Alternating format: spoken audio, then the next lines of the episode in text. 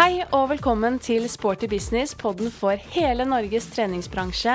Jeg heter Eo Katrine og driver Inspartum Akademi, som står bak denne podkasten. Og nå håper jeg at du gleder deg til nytt faglig påfyll rett inn på øret. Og episoden du skal få i dag, det er faktisk en av mine favorittepisoder, tror jeg. Det er kanskje ikke et så lystig tema, siden det skal handle om kroppspress i treningsbransjen, men dette her er jo et utrolig viktig tema som vi må virkelig våge å snakke mer om, og som det er viktig at vi tar tak i, både for at vi skal bli en enda mer profesjonell og anerkjent folkehelseaktør, et sted for alle, og ikke minst viktig for alle de unge vi i dag møter på treningssentrene. For det er faktisk sånn at det er faktisk flest unge som i dag trener på treningssentrene våre i Norge. Det er jo om lag 30% av befolkningen som velger et treningssenter som arena for fysisk utfoldelse og trening. Og av den prosentandelen så er det hele 38% i aldersgruppen 15 til 18 år, og 47% i aldersgruppen 19 til 29 år. Så vi møter helt klart veldig mange ungdom, og også unge mennesker, på sentrene våre. Og jeg var senest forrige uke på Antidoping Norge sitt nasjonale seminar, der temaet var 'Snakk om doping'. Eh, for det er nemlig sånn at eh, kroppspress i bransjen og blant unge i dag dessverre fører til bruk av en rekke ulike kosttilskudd, pre-workouts osv., som igjen videre kan eskalere til bruk av mer skadelige prestasjonsfremmede stoffer. Og dette er nok kanskje et litt større problem enn det vi kanskje tror eller ønsker å tro, og noe vi bør være årvåkne for i bransjen. I tillegg så ser man eh, at det dessverre er mange som sliter med f.eks. spiseforstyrret atferd, og at flere får sunnhets- og treningsmaniske lidelser som eh, ortoreksi og megareksi. Så dette her er noe vi må ta tak i, og jeg vil virkelig rette en stor takk til Antidoping Norge, som gjør en super jobb også for oss i treningsbransjen. Og jeg anbefaler deg virkelig å sjekke ut Antidoping Norge sine nettsider for mer eh, informasjon og kunnskap om temaet. Og de har jo også noe som kalles Dopingkontakten, hvor man alltid ta, kan, kan, ta kontakt og få hjelp på spørsmål eller eh, rådgivning og veiledning innen temaet. Eh, I tillegg så vil jeg jo bare oppfordre også alle dere i bransjen til å faktisk eh, ta tak og bli en del av eh, Rent senter-programmet til Antidoping Norge. Eh, vi er allerede veldig mange sentre som er medlem av Rent senter, men vi skulle jo gjerne ønske at hele bransjen ble samlet og vise at vi samlet tar avstand fra doping. Og ikke minst, det er kjempeviktig for omdømmet til bransjen vår. Men eh, når vi snakker om kroppspress, så er det også sånn at det er ikke bare medlemmene på eh, sentrene våre, dessverre, som eh, kan kjenne på dette, men det er også de ansatte i bransjen opplever kroppspress, kroppsmisnøye. Og hvor utbredt dette problemet faktisk er, hva vi kan gjøre for å tilrettelegge for et bedre miljø, hva vi gjør hvis vi er bekymret for noen f.eks., og hvilke tiltak man kan gjøre ved senteret, det er det førsteamanuensis ved Avdeling for helse og velferd ved Høgskolen i Østfold, Therese Fostervoll Mathisen, som gir deg svaret på i denne episoden. En ekstremt lærerik og viktig episode for alle oss i treningsbransjen, og med et brennende engasjement for helse. Hjertelig velkommen til Sporty business eh, podkast, Therese. Veldig hyggelig å få lov til å komme på besøk til Høgskolen i Østfold. Og nå sitter vi på et fancy lydrom, så det er jeg veldig takknemlig for. Veldig moro at du ville komme hit til Østfold. Eh, og det er gøy å kunne vise frem litt av de digitale ressurser som vi har tilrettelagt for, da. Eh, og vi har jo lært oss ganske mye gjennom de to siste årene med covid og digitale innspillinger og videoer og podkast og det hele som vi måtte gjøre undervisningen med da. Ikke sant. Ja, jeg har ikke vært her eh, før, så det er eh, hyggelig å se også hvor du har eh, endt opp. For jeg kjenner jo deg fra idrettshøyskolen, hvor du har vært i mange år. Men nå er du her i Østfold. Hvordan trives du på høyskolen? Det er veldig mye mer behagelig pendlevei, det må jeg si. For jeg bor jo her i Østfold. Så nå bruker jeg 20 minutter, eller en time hvis jeg vil sykle. Mens Oslo var jo betydelig mye lenger å pendle til. I Oslo på idrettshøyskolen så trivdes jeg veldig godt. Det er jo fantastisk miljø for oss som brenner for idrettsfag. Eh, så det var jo en stor kontrast å komme hit til Høgskolen i Østfold, hvor eh, ikke idrettsfagene er representert. Eh, men jeg bidrar nå med min faglige kompetanse uansett, og det er veldig hyggelige kollegaer å jobbe sammen med her. Mm, ja, det er godt å, godt å, høre. Men for de som ikke kjenner til din bakgrunn like godt som jeg gjør, kan du ikke også fortelle litt om hvem du er? Ja. Jeg startet min studiekarriere og fagkompetanseutvikling i 1996. Eh, da starta jeg på idrettshøyskolen. Jeg tok grunnfag og tre år mellomfag. Eh, så jeg har en idrettsvitenskapelig utdanning der. Så vekket min interesse for kosthold egentlig mer og mer gjennom de studie, den studietiden det. Så da skiftet jeg retning og gikk over til Universitetet i Oslo og tok en utdanning i ernæringsfysiologi. Ja. Eh, jeg avslutta egentlig disse nå seks årene med eh, en mastergrad på toppen. Eh, og denne ble kombinert med utveksling til Loughborough i England for å ta en spesialisering innen idrettsernæring. Og da var jeg tilbake igjen til idrettshøyskolen for å avslutte den mastergraden. Ja. Så jeg har jobba etter det veldig mange år i eget foretak, hvor jeg har drevet mye konsultasjonsvirksomhet, primært som ernæringsfysiolog og mindre grad som treningsfysiolog. Mm. Eh, og så fikk jeg den unike mulighet å gjøre en doktorgrad eh, på idrettshøyskolen igjen, eh, fra 2013. Og etter den tid, når jeg ble ferdig med doktorgraden, så har jeg jobbet i akademia. Mm. Men hvordan ser hverdagen din ut her i dag, da? Eh, her jobber jeg som eh, førsteamanuensis, eh, men jeg har vært så uheldig da, å få med meg forskningsmidler videre i mitt virke. Så 50% av tiden min er bundet til videre forskning. Ja. Og det er Sanitetskvinnene som har gjort dette mulig for meg, ved å ønske å finansiere videre innsats i det prosjektet hvor vi utviklet en ny behandlingsmetode for spiseforstyrrelser på idrettshøyskolen i mitt doktorgradsarbeide. Ja. Og da brukte vi nettopp min fagkompetanse, som jeg vet mange av dine lyttere deler med meg. Det ernæringsfysiologi og treningsfysiologi til å lage en helt ny metode da, for eh, behandling, og som viste seg å være veldig effektiv. Ja. Så nå jobber jeg veldig hardt for å få den etablert i, og i anvendelse eh, i samfunnet. Ja, spennende. Eh, men bortsett fra denne forskningstiden, som også raskt eh, inkluderer mange andre prosjekter som er spennende, og som jeg inviteres inn i, så underviser jeg her på Høgskolen Østfold. Eh, det er primært ernæring som jeg underviser i på studiet for sykepleie.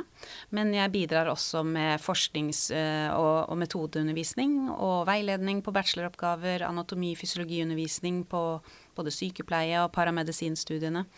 Så anvendelig, kan man ja. si. Og variert hverdag, kan man si. Ja, det er variert hverdag, eh, og det setter jeg veldig stor pris på. Mm. Både det mm, i forhold til hva man gjør, eh, om det er forskning eller undervisning, eller hvilke fag man bidrar med, men også at det er en hverdag som i dag er tilrettelagt for at du kan både være mye til stede på høyskole, eh, men også være ute på farta, forske eller sitte på hjemmekontor. Mm. Så det, det er prisverdig. Hva vil du si er det beste med jobben din, eller jobben i akademia?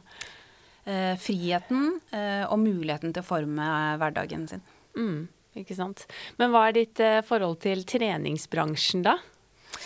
Eh, ja, altså jeg begynte jo på idrettshøyskolen i 96 fordi jeg selv var en aktiv utøver. Eh, primært i organisert idrett, eh, men mer og mer også på treningssenter fordi jeg da konkurrerte som styrkeløfter. Mm. Og etter hvert også tok meg den tid. Som, vi hadde jo ikke PT-utdannelse. og og organiserte former for uh, instruktørutdannelse den tid, men det var Helsestudioforbundet som hadde da et, uh, et diplomert kurs for uh, treningsinstruktører, da. Ja.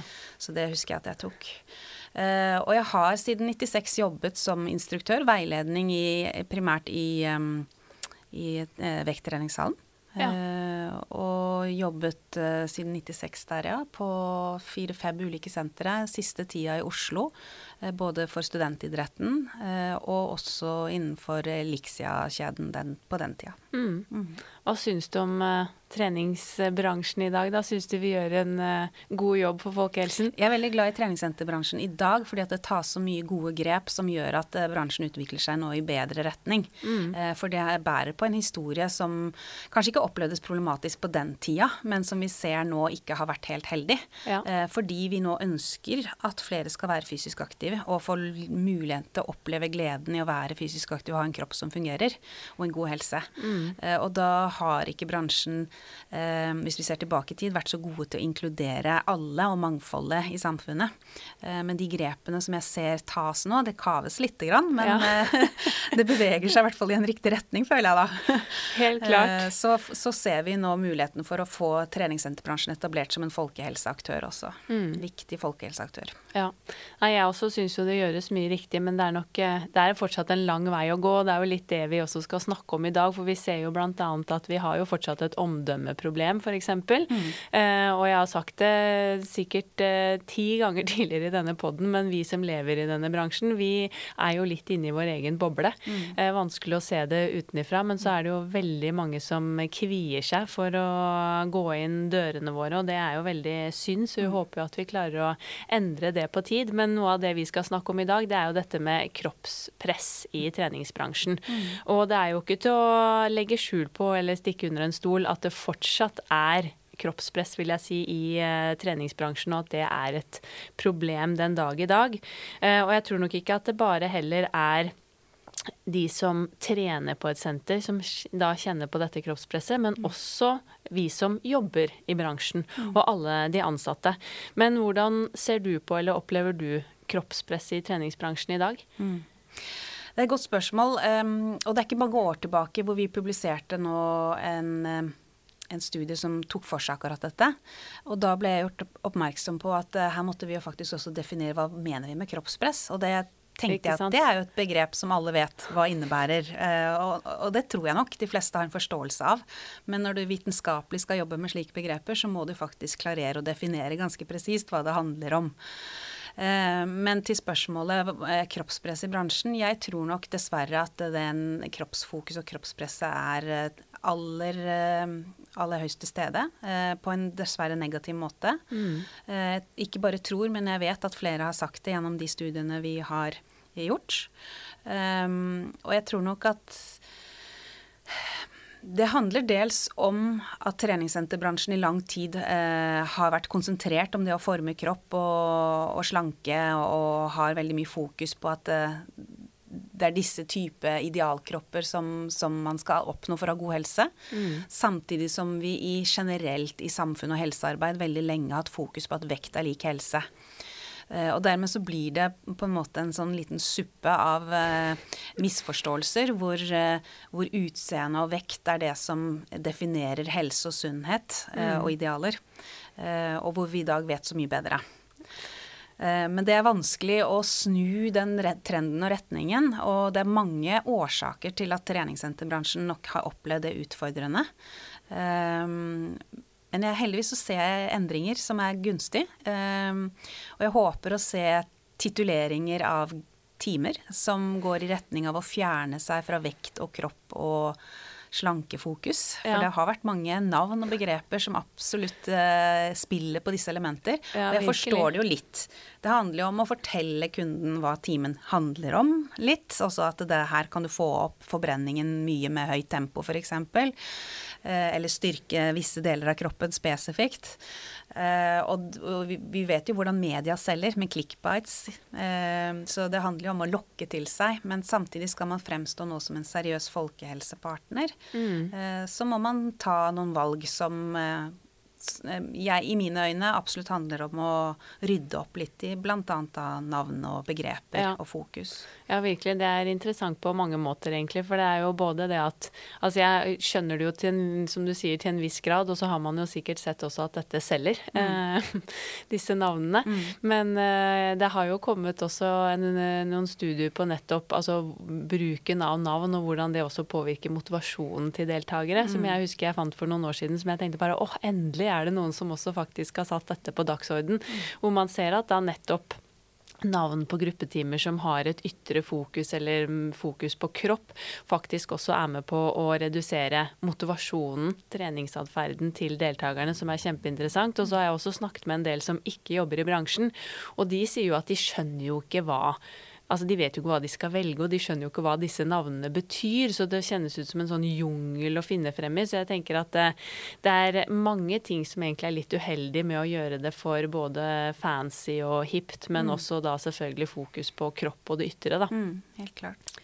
Men ja, altså dette er jo bare én av eksemplene i forhold til Eh, det jeg oppfatter som et kroppsfokus i treningssenterbransjen. Mm. Det andre handler jo om mangfoldet man kunne ha brukt i markedsføringen sin, eh, men som ikke mange nok har vært flinke til å bruke. Så når man har avbildet aktive mennesker eller instruktører for å lokke til seg eh, med markedsføring og tilbud, så er det jo gjerne disse slanke, veltrente menneskene. Mm. Så det, for de utenfor treningssenterveggene, så fremstår det jo som en arena hvor de som virkelig er godt trent, er. Og det er ikke få ganger jeg har hørt de jeg jobber med eh, i mitt virke, si det at jeg må bare bli litt bedre form først, før jeg begynner på ja, treningssenteret. Det er det klassiske. og det er jo veldig trist at det er sånn. Det er veldig trist, mm. eh, men det er jo noe man skal lære av, da. Ja. Eh, og prøve å bygge videre på for å nå bredere lag i befolkningen, og for også, som jeg sier, eh, fremstå som et eh, en sunnere partner i folkehelsearbeidet. Mm. Og Da er det jo også viktig eh, når, eh, når samarbeidet innen treningssenterbransjen eh, bestemmer seg for at det er gunstig å operere med kleskoder, ja. og stå i det. Mm. Selv når en eller annen influenser med x antall følgere sier at det man føler seg trakassert eller etterfulgt eller ubehagelig å få påpekt at man måtte kle på seg litt på treningssenteret. Ja, ikke sant. Eh, og, og, mange argumenterer på ja, men man møter jo avkledde mennesker på badestranda, eh, og det er naturlig å, å, være avkledd på treningssenteret. Jeg som selv trener mye, kan gjenkjenne meg i det at det er deilig å få ha på seg en singlet eller til og med treningstopp når du svetter innerst i en spinningsal, og det er hett og det er tett og det er, du prøver å stå på. Eh, men samtidig så handler det om å gjøre rom for mange, av de mange som ikke syns det er behagelig å møte disse kroppene så tett. Mm. Uh, og jeg tenker at det er ikke de menneskene du naturligvis møter på stranda, da, uh, som syns dette med kropp er vanskelig. Nei. og en annen ting handler om settingen. At går du til stranda, så er det en åpen forventning om at her er det avkledde kropper. Mens når du kommer til treningssenteret, så ønsker du helst å kunne forbedre din fysiske form og funksjon og helse, ja. uh, uten å måtte forholde deg til det veldige fokuset på kropp. Da. Absolutt. Men bare for å ta et steg tilbake før vi går videre, for du nevnte jo dette med definisjon av kroppspress. Mm. Hvordan har dere definert det? Ja, øh, å gjengi det ordrett slik vi definerte det, det er vanskelig. Men det vi har øh, lagt inn i begrepet, det er at det er en opplevelse av viktighet av å se ut på en viss måte. Uh, og du uh, opplever at dette blir en viktig del for deg og din identitet. Mm. Uh, og derfor jobber veldig hardt mot å etterfølge dette idealet. Så det består av to komponenter. Det er, det er, det ytre opplevde presset, og så er det i tillegg det at du som individ opplever det som veldig viktig også, med høy verdi å oppnå. Mm. Men for oss som da jobber i bransjen, som jeg nevnte innledningsvis, så tror jeg jo også det er eh, en del kroppspress, og det er mange som kjenner på det der av oss som jobber der. Mm. Eh, for det er jo sånn at vi ønsker jo å fremstå som sunne, spreke, sprudlende rollemodeller som skal inspirere da folk til fysisk aktivitet og trening. Mm. Eh, men kan vårt ønske om å være disse gode i gåstegn modellene eh, gå for langt? Kan det gå utover også vår egen helse eh, og medlemmenes ønske om å trene hos oss? Ja, jeg tror det kan ramme begge partner, både medlemmene og kollegiale, som står der i det fokuset og ønsket om å, å være de sunne, spreke idealene. Eh, hvis vi starter med kundene først, så blir det igjen en, en høy barriere å tørre å gå og tilnærme seg disse fordi de er så de får jo til alt. De spiser jo så bra, de trener jo hele tiden, og de ser jo så bra ut. Mm. Eh, og så kommer du der så, og opplever at du er på en måte den som feiler og ikke får til. Eh, så det blir en sånn stor differanse mellom eh, sin egen realitet og det man opplever at er andres realitet. Mm. Eh, samtidig så vet vi dessverre, fra forskning også, at uh, kunder sier at de gjerne leter etter uh, det de ser kan være en bra rollemodell som kan lære deg å bli bedre. Mm. Og det er jo ikke heldig. Eh, men jeg tror det er farget av nettopp hele samfunnet vårt og hvordan media kommuniserer helse og det hele. Så vi sitter jo igjen med et inntrykk at eh, man må se ut på en viss måte for å ha sunn helse. Ja, det er akkurat det. Så det er jo et stort arbeid vi må gjøre for å endre holdninger hos alle parter. Ja. Eh, men så er det jo samtidig også flere som sier at de syns det er veldig behagelig å være sammen med instruktører som har et mer avslappa forhold til kropp og mat, og som viser glede i treningen sin og, og, og overskudd i og har fokus på funksjon da, fremfor eh, et visst definert utseende. Mm. Men så er det helt klart eh, eh, tanker om hvordan det er å jobbe i et miljø som så hardt må vise at man presterer og leverer selv også de varene man prøver å selge. Ja. Ved å presentere et produkt som er sin egen kropp. Eh, og det er ikke særlig heldig, det vet vi fra annen type eh, forskning og, og, populasjoner man har sett på. Eh, så det var også spennende for oss når vi i 2019 og 2020 gjennomførte en, en kartlegging på, personlige trenere og gruppeinstruktører på hvordan de opplevde kroppspress. Mm. Når vi kartla det, så sa mer enn 90% at de generelt i samfunnet opplevde at det er et stort kroppspress. Ja. Eh, vi så at eh, det var en lavere andel som opplevde at selve treningssenterbransjen sin eh, var kilden til det. Da var vi på rundt 20% som opplevde at det var kroppspress i treningssenterbransjen eller i sitt eget arbeidsmiljø. da. Eh, men når vi nå også spør de om, for, og det er litt interessant, fordi jeg, jeg, fanger opp at i media stadig kommer diskusjoner og spørsmål igangsatt av, av eh, journalister. Er kroppspress bra eller ikke? Trenger mm. vi en viss grad av kroppspress?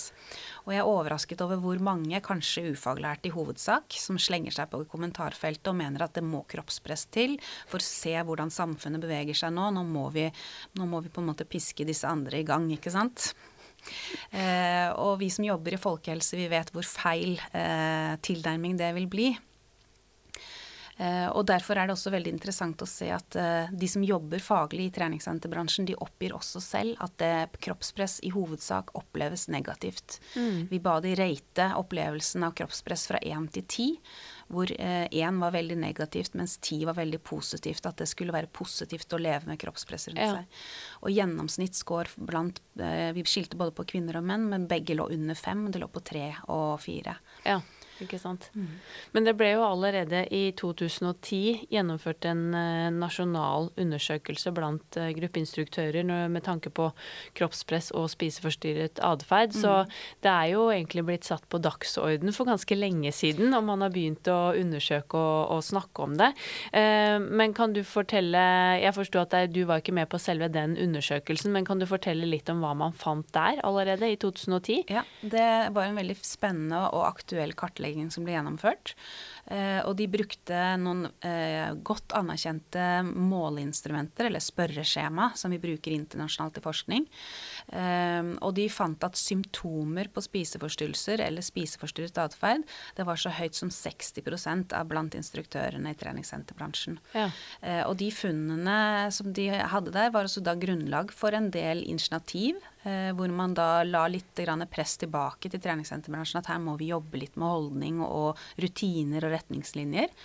Eh, og jeg vet at uh, treningssenterbransjen samarbeidet med rådgivning om spiseforstyrrelser, ROS, uh, og utarbeidet en, en brosjyre, en informasjonsbrosjyre, som mm. ga informasjon om hva spiseforstyrrelser er, symptomer man kan fange det opp på, uh, hvordan man skal agere innenfor treningssenterarenaen hvis man mistenker at noen lider med spiseforstyrrelser. Ja. Så det var en ganske fin brosjyre som ga god instruksjon og veiledning. Mm. Eh, men jeg hører mange som overhodet ikke har eh, visst om denne brosjyren. Den ligger tilgjengelig hos ROS. Ja, eh, så du finner den på nettet. Ikke sant. Og nå har jo også ROS kommet med denne e-læringskurset når trening blir tvang, som er fantastisk, syns jeg. Men jeg tenker jo inkludert meg selv. Jeg kom inn i treningsbransjen i 2008.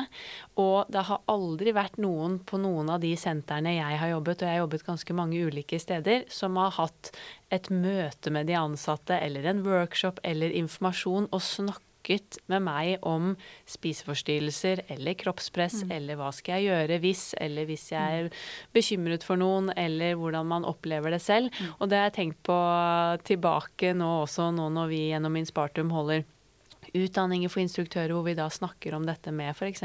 spiseforstyrrelser og tipser om rådgivning om spiseforstyrrelser mm. og hvor de kan ta kontakt, så har jeg tenkt på det tilbake at det er faktisk ingen av de stedene jeg har jobbet som har tatt opp dette på, for instruktørene. Og det tenker jeg er jo veldig synd. Man burde ha snakket mye mer om det. Ja.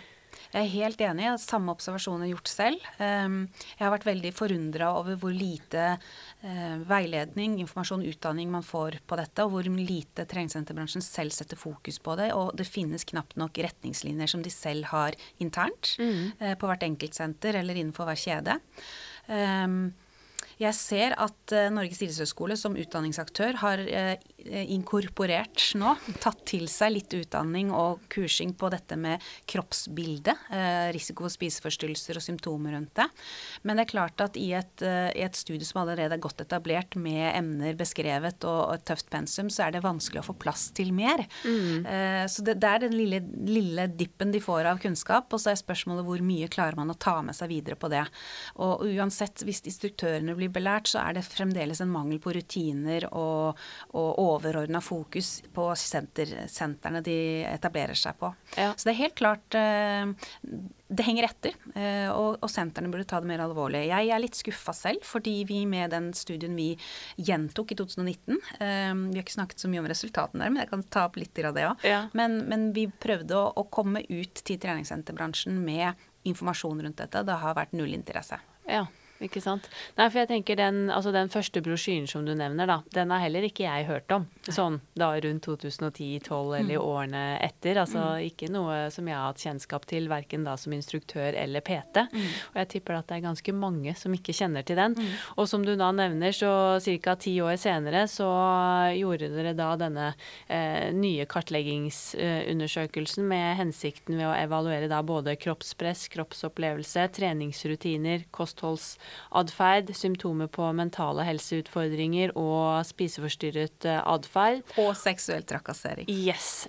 Det var en ganske omfattende Heftig undersøkelse. Det fikk vi tilbakemelding på, og vi hadde allerede gjort en utrolig tøff jobb med å luke ut mye. fordi at når du først skal igangsette et prosjekt og rekruttere deltakere, så vil du helst ha svar på så mye som mulig på en gang. Mm. Så du slipper å gjøre jobben mange ganger og risikere å få dårligere og dårligere svarprosent fordi folk blir leie av alle prosjekter ja, som kommer. Ja. Men det er helt klart ingen god idé heller å starte et prosjekt med altfor mange spørsmål. Eh, så det, det, tar vi til etterretning. Men kan du ikke få ta oss litt gjennom den kartleggingen? Ja. Litt både gjerne starten og gangen, og så selvfølgelig resultatene, som mm. er de aller vi, mest eh, eh, interessante? Ja, vi, vi, oppdaget noe forunderlig. Eh, fordi vi ønsket jo å nå eh, flest mulig instruktører. Eh, og i forskning vil man veldig gjerne snakke noe om hvor stor andel svarte på undersøkelsen, og hvor stor andel svarte ikke. Mm. Så derfor så gikk vi direkte til senterledere eh, for å spørre kan du distribuere dette til dine ansatte, og også sende oss et tall på hvor mange ansatte du har, sånn at vi kan regne ut en prosent på hvor mange som svarer. Og da erfarte vi at det var jeg kan ikke si ingen, eh, men det var 90 eh, av senterlederne sier at de har ingen oversikt på Nei. hvor mange ansatte de har. uh, og det var, det var, litt sjokkerende for meg at man ikke vet hvor mange man har ja, ja. som man lønner. Eh, så akkurat det å holde orden på svarprosenten, det ble umulig for oss. Mm. Eh, men vi vet eh, at det er en lav svarprosent. Vi hadde 300 som responderte. Men var det, fikk dere god distribusjon altså via senterledere ut til instruktørene? Nådde dere ut der? For jeg har også en opplevelse at det ofte er litt stopp i kommunikasjonen. Det er for det første veldig vanskelig å nå disse lederne. For det andre så er det vanskelig å motivere de til å bli med på dette. Kanskje fordi de har litt motstand mot tematikken som tas opp, eller fordi at de syns dette er unødvendig og alt annet jeg skal håndtere i hverdagen min. Mm. Eh, så det er klart at når de, når de, for det første ikke visste hvor mange ansatte de hadde, da ser jeg at da kan de i hvert fall ikke maile dette til de, eller snakke til de. Nei, nei. Eh, så da har de jo gjerne noen åpne foraer, da. Eh, og det er spørsmålet hvor mye disse foraene er i bruk, og, og hvor mange som fanger opp denne rekrutteringen i åpne foraer, om det er Messenger-grupper eller om det er Teams-kanaler eller hva det nå innebærer. Ja. Så um, vi prøvde å rekruttere litt selv i sosiale medier til slutt for å øke andelen som svarte. Og som sagt, vi endte på 300, så det er jo spennende å, spennende å spekulere i om dette er de som er spesielt interessert i tematikken, eller som bare ønsker å bidra til kunnskapsheving generelt. Mm. Men, men all, alle de temaene du nevner som vi ønsket å ta opp, de, de ønsket vi å samle fordi vi vet de henger så tett sammen. Uh, og vi har jo nå snakket om uh, overdreven trening, tvangstrening, som det fins digitale ressurser hos ROS for å lære seg mer om. Uh, det er jo en type atferd som er veldig lett å kamuflere i treningssenterbransjen. Fordi mm. man favoriserer de som trener mye. Det er jo sunt og sprekt å trene mye. Og det er veldig lett å kamuflere et avhengighet eller tvangspreget forhold til trening i en mm. slik arena. Så det var en av de tingene vi ville kartlegge. Eh, som sagt så fant vi jo da at 90% av instruktørene generelt opplever kroppspress i samfunnet. Eh, ikke så høy andel på, på arbeidsplassen, rundt 20% på arbeidsplassen. Mm. Eh, men dessverre så finner vi at en veldig høy andel av de som jobber som instruktører, eh, har eh, spiseforstyrret atferd. Ja. Eh, både ser vi det i form av hvordan de rapporterer eh, spiseatferden sin, men også når de svarer på de spørsmålene vi bruker til å klassifisere personer i risiko for å ha en spiseforstyrrelse eller ikke. Ja.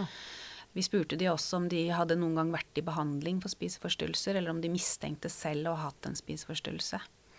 Uh, og det var mer enn 35 kvinner og mer enn 17% menn av disse instruktørene som mistenkte ja. At de ikke hadde hatt en spiseforstyrrelse tidligere. Det er veldig høyt, fordi vi vet at eh, menn eh, Andelen spiseforstyrrelser, spiseforstyrret atferd, ligger sånn knapt nok opp mot 5 Da tar jeg litt i. Ja. Uh, og blant kvinner er det mer anerkjent prosentandel på 10 til kanskje opp mot 15% nå i nyere tid. Mm. I den generelle befolkningen. Så når vi nå får 37% blant kvinner, som sier og mistenker at de har hatt en spiseforstyrrelse, så er vi urolig. Ja, det skjønner jeg. Eh, men å mistenke at man har hatt det uten å kunne helt vite hva er en spiseforstyrrelse, er jo én ting. Men når vi nå spør de hvor mange av dere har vært i behandling eller fått en diagnose av helsepersonalet, så var det ingen menn. Nei. Eh, så da gikk 17 til 0. Eh, men det kan jo godt være at de ikke er kommet inn i behandlingsapparatet, så det, det vet vi jo ikke om vi har tapt noe der. Eh, men blant kvinner så var det nå 17% som sier at de har tidligere vært diagnostisert med en spiseforstyrrelse. Ja.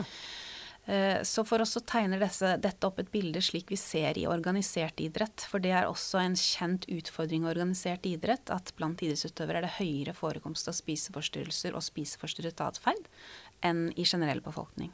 Mm. Eh, så det handler noen, noen, ting om miljøet og noen ting om personkarakteristikker som tiltrekkes disse ulike arenaene. Ja. Eh, og det gjør at vi skal ha litt øynene opp for at kollegene våre kan være personer som fremstår som veldig perfekte og mestrende eh, på livsstil og trening, men som i utgangspunktet egentlig sliter veldig. Mm. Men nå når vi snakker om instruktører i denne kartleggingen, er det da kun gruppeinstruktører, eller var det også Peter eh, inkludert her? De, mm, de tallene jeg snakker om er overordna samlet for begge gruppene. Ja, mm. Så det gjelder både instruktører og PT på sentrene? Det er ja. Mm.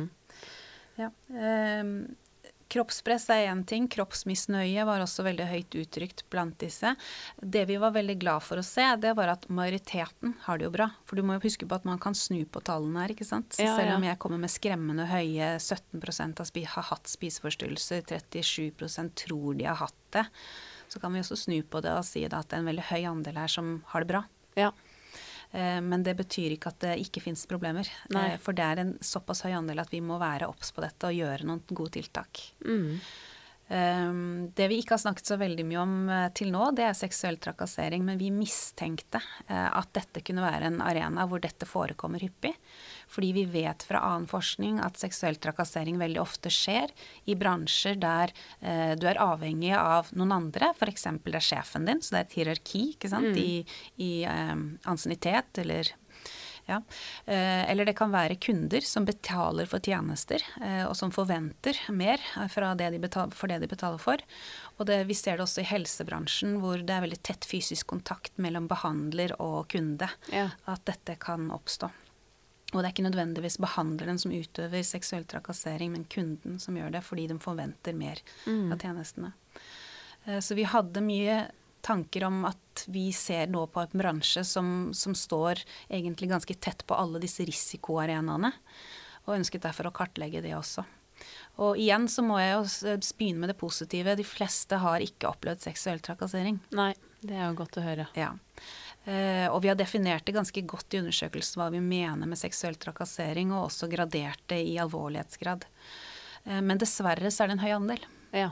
Det er mer enn 30% som sier at de har opplevd det. Og det er overraskende høyt, men det ligner det vi ser i helseytelsesbransjen. Som f.eks. sykepleiere, vernepleiere, fysioterapeuter møter på i sin tette kontakt med kunder. Fysiske mm. kontakt med kunder. Så det, de ligger like høyt som de, men de ligger betraktelig høyere enn det vi ser i et generelt arbeidsliv. Ja. Og der, når du spør om forskjeller på gruppetreningsinstruktører og, og personlige trenere, mm. der ser vi at det forekommer i begge grupper, men i mye høyere grad blant de som jobber som personlige trenere. Ja. Det er kundene som er den største eh, trakasserende art i deres eh, opplevelse av seksuell trakassering, men vi ser det også eh, rapporteres å være kollegaer eller også sjefer som har utøvd seksuell trakassering. Mm.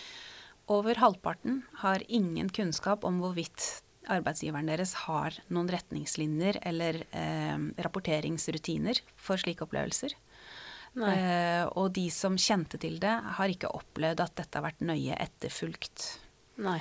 Så det her igjen kommer det på en måte litt feedback til treningssenterbransjen om, om forhold man må ta litt tak i for å bedre arbeidsvilkår og arbeidslivet til de ansatte. Virkelig. Og dette henger jo sammen med ja, det vi ønsker å få til, altså det å bli en mer profesjonell aktør. Nå når disse standardene for senterdrift, og nå etter hvert også for personell, kommer på banen, mm. så håper vi jo at det er flere som tar tak i det og faktisk begynner å inkludere det. Og ikke minst da ja, få på plass gode eh, retningslinjer, rutiner for hvordan skal man håndtere f.eks. sånn som dette, eller det i det hele tatt å ha retningslinjer for trivselsregler, mm. eh, snakke om etikk på senteret, altså mm. hvordan ønsker vi å opptrå og hva er viktig. Mm. Eh, og der er det ekstremt sprik i bransjen i dag for de som virkelig har alt dette på plass, og de som ikke har det. Eh, så der er det jo veldig store forskjeller, men det er jo i hvert fall håpet at vi kan få på plass eh, etter hvert. Og det trengs virkelig for bransjen vår, i hvert fall hvis vi skal ja, bli denne folkehelseaktøren også. I, i fremtiden. Mm. Men kjenner du til, er det gjort generelt mye forskning på dette området, som fra utlandet eller andre steder også, eller er dette et uh, lite lite, eller et snevert eh, måte forskningsområde? Det er et veldig stort forskningsområde internasjonalt på hva er det som eh, gir opplevelse av kroppspress, og hva er det som gir et problematisk kroppsbilde og stort eh, kroppsmisnøye. Så der har vi mye kunnskap hva slags forhold som påvirker negativt, og hva som kan påvirke positivt. Ja. Men jeg har ikke sett så stor vidde i, i artikler og publikasjoner som tar for seg disse, denne type tematikk i treningssenterbransjen spesifikt.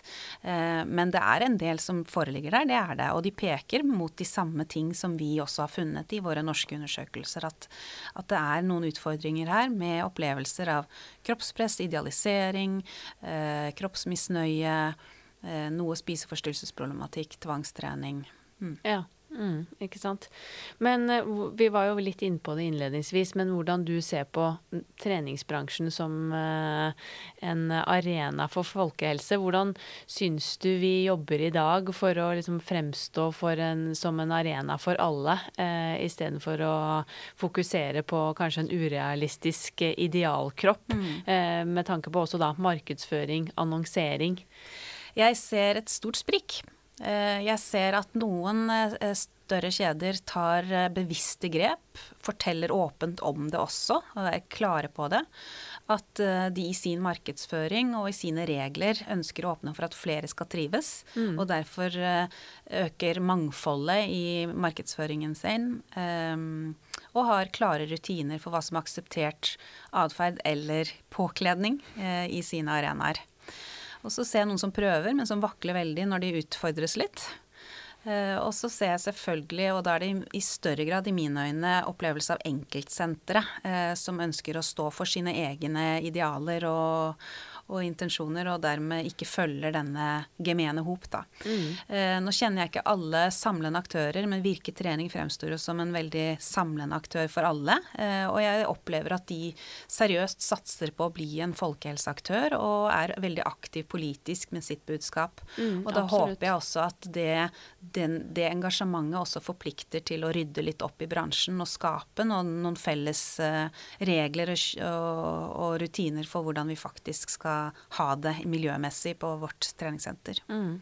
Ja, for utfordringen er jo også at når det er så store sprik, så vi ødelegger jo for hverandre. Og jeg tenker for noen som da bor på kanskje også et mindre sted, og så er det ett senter som har en veldig tydelig kanskje profil utad, og så er det det du forbinder med treningssenter, og mm. den, da er det jo det du opplever. Men så kan også et treningssenter være så veldig mye mer, og kanskje inkluderende på en annen måte. Mm. Men det er ikke det inntrykket man har fått, for kanskje de sentrene som har vært i nærheten av der man bor, da, de har en helt annen profil. Mm. Og det blir jo vanskelig for oss som bransje som helhet å samles når det er så enormt store sprik. Mm. Det, det, ser jeg helt klart. Uh, og jeg tenker at um, igjen skal vi tenke det gunstige for både folkehelsa, uh, men det gunstige også for deg som instruktør eller deg som senterleder. Så tenker jeg at både vil vi ha friske mennesker og se at mennesker lykkes, og gjerne vil vi være den aktøren som har bidratt til at det, flere mennesker lykkes eh, og har bedre helse. Og så tenker jeg det ligger litt kapitalisme i dette også, for vi skal jo ha inntekt og brød på bordet hver dag. Eh, hvis du ikke er lavkarbo. Entusiast. Altså, du skal ha mat på bordet i alle fall. Eh, så både senterledere og instruktører er jo interessert i å tjene penger. Eh, mm. Og da må vi prøve å få et bredere marked eh, engasjert til å ønske å kjøpe tjenester av oss. Ja. Eh, og da må vi slutte slutte å holde så fast på rettigheten om at jeg må få lov til å kle meg som jeg vil, eller jeg må gjøre som jeg vil. Da må vi tenke hvordan kan vi skape et miljø som flere vil trives i og tiltrekkes av, og som kan fungere for alle. Mm. Og jeg tenker at det er ikke et veldig stort problem å ta på seg en ekstra trøye når man skal trene, slik at flere faktisk føler det behagelig å være i nærheten av deg og være på dette senteret. og å prøve seg. Ja, for det er jeg litt nysgjerrig på, da, hva du mener om disse hyppige klesdebattene vi har hatt eh, de siste årene i bransjen. Bør man få lov til å gå i akkurat det man vil, eller er det sunt og fornuftig med kleskoder? Nei, jeg startet jo litt med å antyde at det er ikke, det er ikke ett fett. Altså, det er ikke slik at hvis man skal tåle å gå på, med bikini på stranda, så må man kunne tåle å gå med magetopp og se andre i magetopp på treningssenteret. For det er to helt forskjellige arenaer, mm. og du finner gjerne også helt forskjellige mennesker som oppsøker disse disse arenaene, eller som ønsker å oppsøke disse arenaene. Og skal vi altså få med oss mange flere inn i treningssenterbransjen, så må vi dempe dette fokuset som omdømmerapporten fra 2017 har pekt på. De som ikke er i treningssenterbransjen, de opplever at de som er der, er der for å forme kroppen sin og for å se bra ut. Mm. Og at det er et stort fokus på det, og dermed så hindrer det de eh, potensielle kundene i å oppsøke bransjen vår. Mm. Jeg som jobber med og forsker mye på personer som sliter med kroppsmisnøye og spiseforstyrret atferd og spiseforstyrrelser, ser jo akkurat det samme. At de syns det er et enormt stort fokus på kropp. Og skulle gjerne sett arenaer hvor det er dempet fokus på det her. Mm. Og jeg har jo selv opplevd gruppeinstruktører som evner å spre en enorm glede ved sitt vesen. Eh, og ved bevegelsesgleden de utøver og utviser og motiverer for. Og det er jo den vi ønsker å få til. Den mm. gleden i å være i aktivitet og oppleve at kroppen fungerer. Eh, og det skjer jo ikke gjennom en eh, magetopp eller ikke. Nei, virkelig ikke. Eh, så jeg syns det er fascinerende i, når jeg ser disse debattene i media, hvor eh, treningssenter prøver seg på å sette noen koder, men syns det er veldig vanskelig å stå støtt i de koden, kleskodene når noen trumfer gjennom at vi må få gjøre som vi vil, og, og alle skal ha plass. Ja. Alle skal få plass, men det, jeg tror alle kan få plass med en trøye på. Ja. Helt klart. Eh, veldig, veldig enig. Men er, jeg har også hørt det argumentet at eh, ja, men det er sunt for folk å se en hva skal jeg si, gåstegn naturlig eller sunn og sprek kropp. Mm. Det er gjerne der vi tenker det, da. Eh, spesielt vi som er godt trent. Eh, vi motiveres jo gjerne av å se andre godt trente. Eh, vi kan godt si at en person som ønsker å komme i gang med trening, som ikke er så godt trent, i utgangspunktet kan motiveres litt av å se andre. At sånn kan man bli hvis man står på litt. Men så er den eh, erkjennelsen og erfaringen at det er ikke alle som evner å bli utseendemessig slik et ideal ser ut. Det er ikke alle som evner å bli så sprek man trodde man skulle bli i fysisk form og, og funksjon, men som har et stort potensial å bli mye bedre enn der mm. de er i utgangspunktet. Så det å gi falske forhåpninger som, eh, og en ytre motivasjon som er utseendefokusert, eh, det vil veldig ofte være kortvarig, fordi mm. man da erfarer at det er, det er så langt frem, eller det er også umulig for meg å komme dit. Og da er det ikke noe vits. Uh, så vi må prøve å motivere på andre måter enn at du kan se ut som meg hvis du bare trener hardt nok. vi må prøve å, å, motivere med andre ting som faktisk betyr noe i lengden uh, for både trivsel og, og helse og funksjon. Er det gjort egne studier som også har sett på om tettsittende klær eller utfordrende klær faktisk fremmer kroppspress, og om det oppleves ubehagelig for andre? Ja, det er studier som har sett på hvordan vi eh, hvordan vi følelsesmessig agerer etter å ha blitt eksponert for kroppsrelatert reklame, ja. eh, kontra helt naturlig reklame som naturen rundt oss f.eks., eller bygninger eller interiør. Eh, og den antyder helt klart at når man har over en periode sittet og sett på kroppsfokusert reklame, så uttrykker man større grad av kroppsmisnøye med seg selv.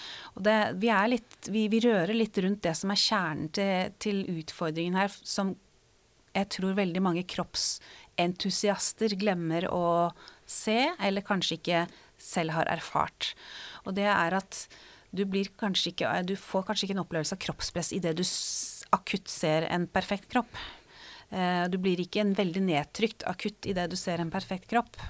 Men med sosiale medier som vi har i dag, og eventuelt treningssenterarenaen som du skal opp daglig på eller mm. ukentlig på å trene, og få hele tida den eksponeringen gjentatte ganger, gjentatte ganger over tid, så legger dette seg i underbevisstheten som en, en, en forventning om hvordan man burde se ut for å være dette vellykkede mennesket som mestrer mye trening, god livsstil, sunn livsstil, bra kosthold. Mm. Eh, og, og samtidig får vi høre fra media hele tiden at helse handler om vekt. Eh, dessverre via clickbates eh, i media. Mm. Eh, så, så, derfor så blir kroppsfokuset og fokuseringen negativt i lengden.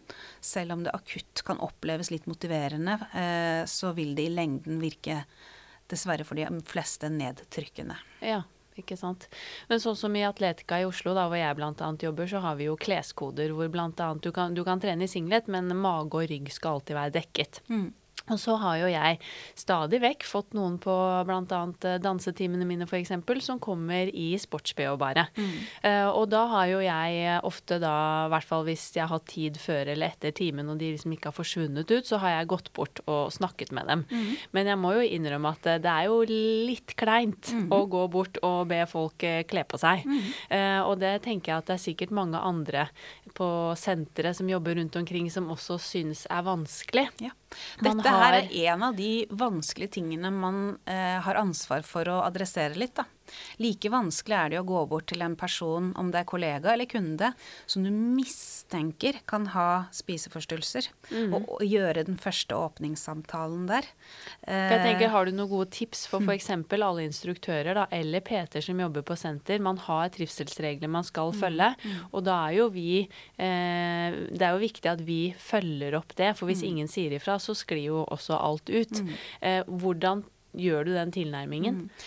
Eh, det er et godt spørsmål, og i, og i, mine øyne så tenker jeg at den tilnærmingen gjøres best ved å være en som kommer eh, med noe positivt.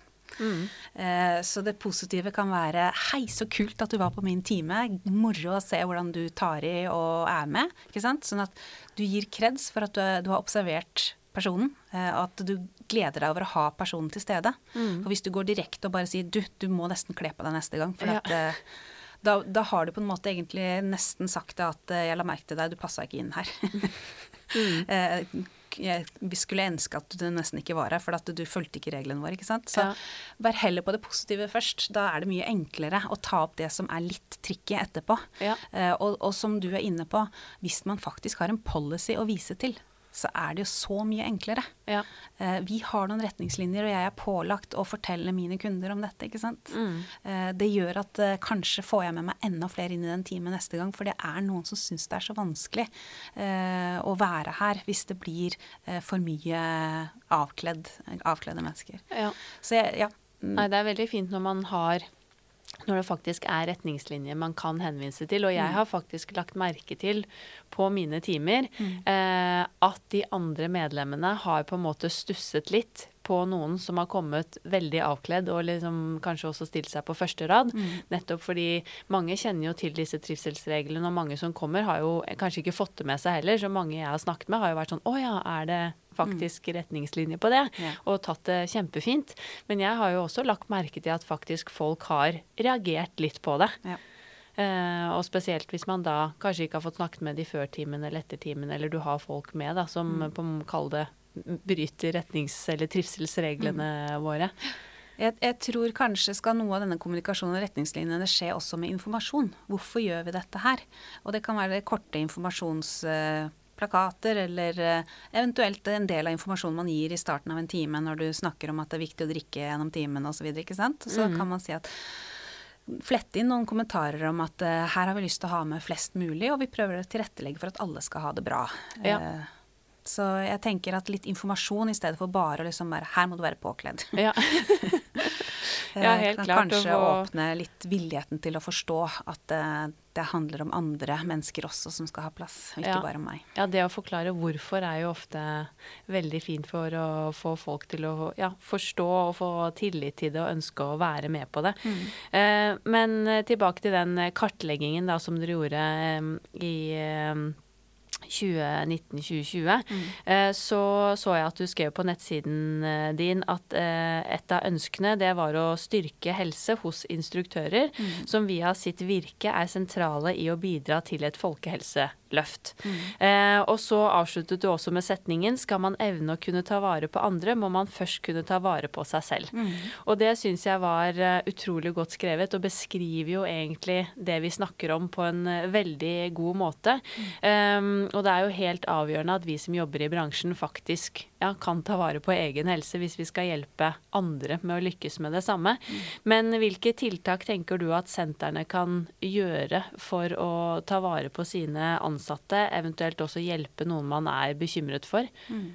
Jeg tenker at eh, ny kunnskap skal brukes. Så når ny kunnskap kommer, så skal bransjen være nysgjerrig eh, og etterspørre den kunnskapen.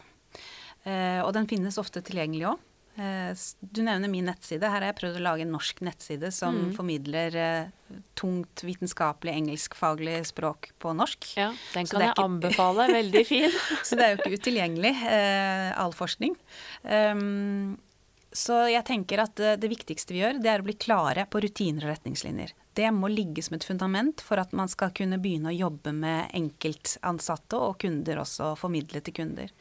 Så det at treningssenterbransjen går sammen og blir, blir enige om noen eh, gunstige retningslinjer, både i forhold til å redusere kroppspress, håndtere og redusere forekomst av seksuell trakassering, som vi har hatt fokus på, eh, men også eh, eventuelt hjelpe de ansatte til å finne frem til sunnere måter å håndtere fokuset på å være sunn og helsefremmende, men også klare å ta vare på seg selv. Da. Og det kan skje altså først og fremst gjennom retningslinjene, dernest å etterfølge det, vise at man tar det seriøst og etterfølger det regelmessig. Eh, også kurse. Ja. Eh, Rett og slett å kurse de ansatte på hvordan kjenner vi en tvangspreget trening, hvordan, eh, hva kjennetegner eh, en helsefremmende livsstil, eh, hvor man får inn fagpersoner som snakker om holistiske tankeganger, psykisk helse, fysisk helse, Ja. psykososial funksjon, hvordan inkluderer vi flere, hvordan legger vi til rette for trivsel, hvordan fremmer vi trivsel. Så det, jeg tenker at det å jobbe aktivt med miljøet, og jeg ser jo utfordringen i en treningssenterbransje som er pressa, og som ofte har aktører som kommer litt og går, for instruktører er jo ofte eh, litt flukterende. Studenter som tar deltidsjobb, eh, personer som må fylle på tiden med ekstra annen type jobb, eh, som finner at karrieren er- skal være noe annet enn å være PT etter hvert. Altså det, det er mange ting vi ser skjer i bransjen, så det skjønner jo for en leder at det kan være utfordrende. Men jeg tror likevel at disse jevnlige kursingene er med på å holde fokus oppe i miljøet på at dette tar vi seriøst. Dette Ja. vil vi jobbe med og endre på. Helt klart. Men hva, hvordan går man frem hvis man er bekymret for enten om det er en kollega, eller om det er, du er leder og er bekymret for en av dine ansatte? Det aller, aller beste du gjør når du er bekymret for en person, det er å kontakte den personen direkte. Ja. Det verste man gjør, tenker jeg, er å begynne å snakke bak ryggen og mistenke og dra flere inn i oppmerksomheten rundt dette. Da blir det veldig mye vanskelig for den det gjelder. Mm. Eh, for den det gjelder, så kan det hende at det var rett og slett en forberedelse til en idrettskonkurranse du så, som ikke du visste om, ikke sant, og får oppklart i første samtale. Ja. Eh, men noen ganger så kan det også handle om en person som kanskje har litt utfordringer. Eh, og da det å vise interesse ved å adressere det du ser, ved å vise empati og bekymring og interesse for det som skjer, mm. da vil du i alle fall um, ha skapt forståelse for at du observerer og ser. Og så kan det være veldig ofte, hvis det er personer som faktisk har utfordringer, at de går litt i forsvar ja. og sier at det er ikke noe problem, eh, du har tatt helt feil, eh, kanskje blir de sinna til og med. Mm. Eh, men dette er det viktige første steget, fordi de vil i etterkant vite at noen ser meg. Eh, og veldig ofte har de et behov for å bli sett og fanget opp. Ja. Eh, og i hvert fall over tid. I starten er det gjerne et prosjekt man føler man har mye kontroll på, men etter hvert blir man sliten av det prosjektet som tar helt kontrollen over deg. Mm. Og da er det veldig godt å vite at det er noen som har sett, og vet hva som foregår. Eh, og hvis du viser gjentatt bekymring fordi du ser at dette tar ikke slutt, så er det lettere også til slutt å få den samtalen som trengs. Ja. Eh, og så skal man jo være veldig trygg på at det å vise vise at du har sett. Det å vise uh, interesse og ta opp tråden handler ikke om at det er du som er behandler. Nei. Det er du som bare igangsetter eh, prosessen til å komme til behandling. Mm. Ja, for jeg tenker Det kan jo sikkert være litt vanskelig hvis du er oppriktig bekymret, og så møter du da en sånn forsvarsmur med en gang, mm. og så prøver du kanskje gjentatte ganger, og det er mm. fortsatt bare en sånn forsvarsmur, og kanskje blir du mer og mer bekymret. Altså hva gjør man da? Er mm. det eh, Jeg tenker man kan jo selvfølgelig ta kontakt med rådgivning eh, om spiseforstyrrelser, altså ROS, de mm. jo, kan jo hjelpe og veilede og sånne type ting, men det er jo litt vanskelig hvis man blir stadig mer og mer bekymret òg, men ikke når gjennom. Ja, det er jeg helt enig i. Um, og jeg tenker at er det personer under 18 år, så kan du med gjentatte bekymringsmeldinger direkte til denne under 18 år si da at en, hvis du faktisk nå er veldig sterk i troen på at dette ikke er sunt, eh, fortell at de er nødt til å snakke med foreldrene dine eh, hvis ikke du har lyst til nå selv å ta grep. Eh, hvis det er over 18 år, som det veldig ofte er i treningssenterbransjen og blant kolleger når vi snakker om det, mm. så tenker jeg at man kan vurdere å gå via HMS på jobben. Ja. Eh, og få engasjert eh, helsefaglig personale inn i saken mm. til å ta samtalene videre. For det er jo tross alt ikke vår oppgave å være behandler, men vi er viktige medmennesker som skal observere og hjelpe. Ja. Det er Helt klart. Riktig. Så tenker jeg det er veldig viktig, eh, som du sier, veldig ofte vil du møte en forsvarsmur. Og det vil vi, vil vi, jo som mennesker alltid sette opp hvis vi møter en anklage direkte. Så på lik linje som jeg i stad sa at eh, hvis du møter en person i magetopp i timen, hvordan skal jeg si det? Mm. Begynn med det positive. Så gjør det også til personen du er bekymret for. Begynn med det positive. 'Hei, ser du trener så mye, så spennende. Hva holder du på med?' Vis interesse, ikke sant. Ja. Hva er det du jobber med for tiden? Eh, og så spør du kan, Du kan også spørre altså, 'Hvordan har du det?' Har du det egentlig bra? Ikke sant? Og da kan det være at denne begynner å undre hva er det du lurer på. Jo, for jeg, jeg er litt bekymra, for jeg har sett at ja. Og så sier du det du har sett, da. Mm. Så da begynner du å skape i hvert fall en refleksjon rundt hvorfor du kommer og vil prate om dette her nå. Ja. Eh, først eh, du ønsker å være et hyggelig menneske, eh, og så at du er litt bekymret og bare vil ha klarert om alt er greit. Mm.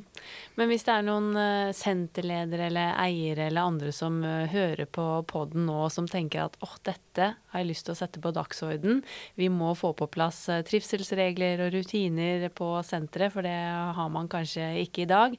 Men så er det litt sånn ok, hvor begynner jeg? Man syns kanskje det er vanskelig å sette i gang. Har du noen råd og tanker for hvordan man kan sette i gang gang en sånn prosess, eller hvem man kan ta kontakt med for eventuelt få veiledning og hjelp? Mm. Jeg tenker det er mange forskere og fagpersoner man kan ta tak i som har de ulike områder som spesialkompetanse. Enten det handler om rutiner og varsling rundt seksuell trakassering, eller det handler om å lage noen trivselsregler som favner bredt og bl.a. inkorporerer dette med kroppspress og mm. kleskoder. Mm. Eh, man kan godt snakkes, eh, inkludere hele miljøet, arbeidsmiljøet, kollegene. Hva er viktig for oss å få kommunisert og satt på agendaen her, sånn som vi vil ha formalisert for vårt senter. Så tenker jeg enda, enda enklere blir denne jobben hvis man får med en overordna paraplyorganisasjon som f.eks. Virketrening til å begynne dette arbeidet og, og, gi retningslinjer som man kan gripe tak i som enkeltsentre, eller mm. enkeltkjeder. Ja.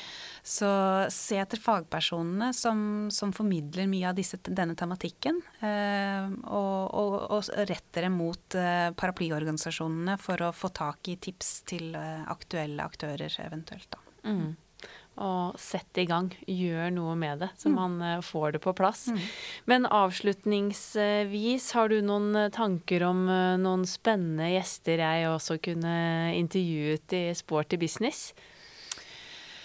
Ja Der hadde jeg ikke tenkt så langt.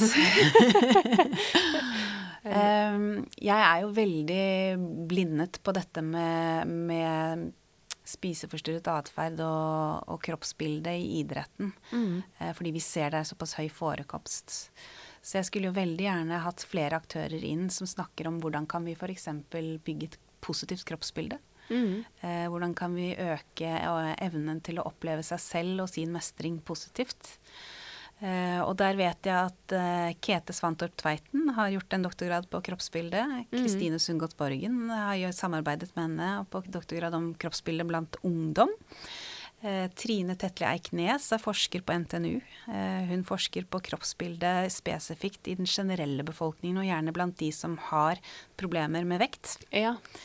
Så her kan du få en litt sånn bredere innfallsvinkel på hvordan vi jobber med med å etablere gode opplevelser av seg selv ja. i, i et samfunn som kanskje er litt utfordrende. Godt tips, for vi snakker jo mye om kroppspress, men ja, hvordan da klare å bygge opp et godt kroppsbilde, og mm. hvordan skal vi gjøre det? Mm. Istedenfor å bare eh, fokusere på de problemene eh, som vi har per i dag. Mm. Veldig godt tips. Jeg er utrolig glad for at vi fikk til denne praten. Det er eh, så viktig, og jeg håper at veldig, veldig mange hører på nettopp eh, denne episoden, for det trengs i eh, treningsbransjen. Så tusen hjertelig takk for at du tok deg tid, Therese. Det var veldig koselig stund å snakke sammen med deg. Tusen hjertelig takk. Tusen takk for at du lyttet til Sporty business nok en gang. Det setter vi enormt stor pris på. Uten deg så hadde ikke denne podkasten vært uh, mulig. Husk å følge oss i sosiale medier at Sporty Business Podcast, og bli veldig gjerne med i gruppen vår på Facebook med samme navn, Sporty Business.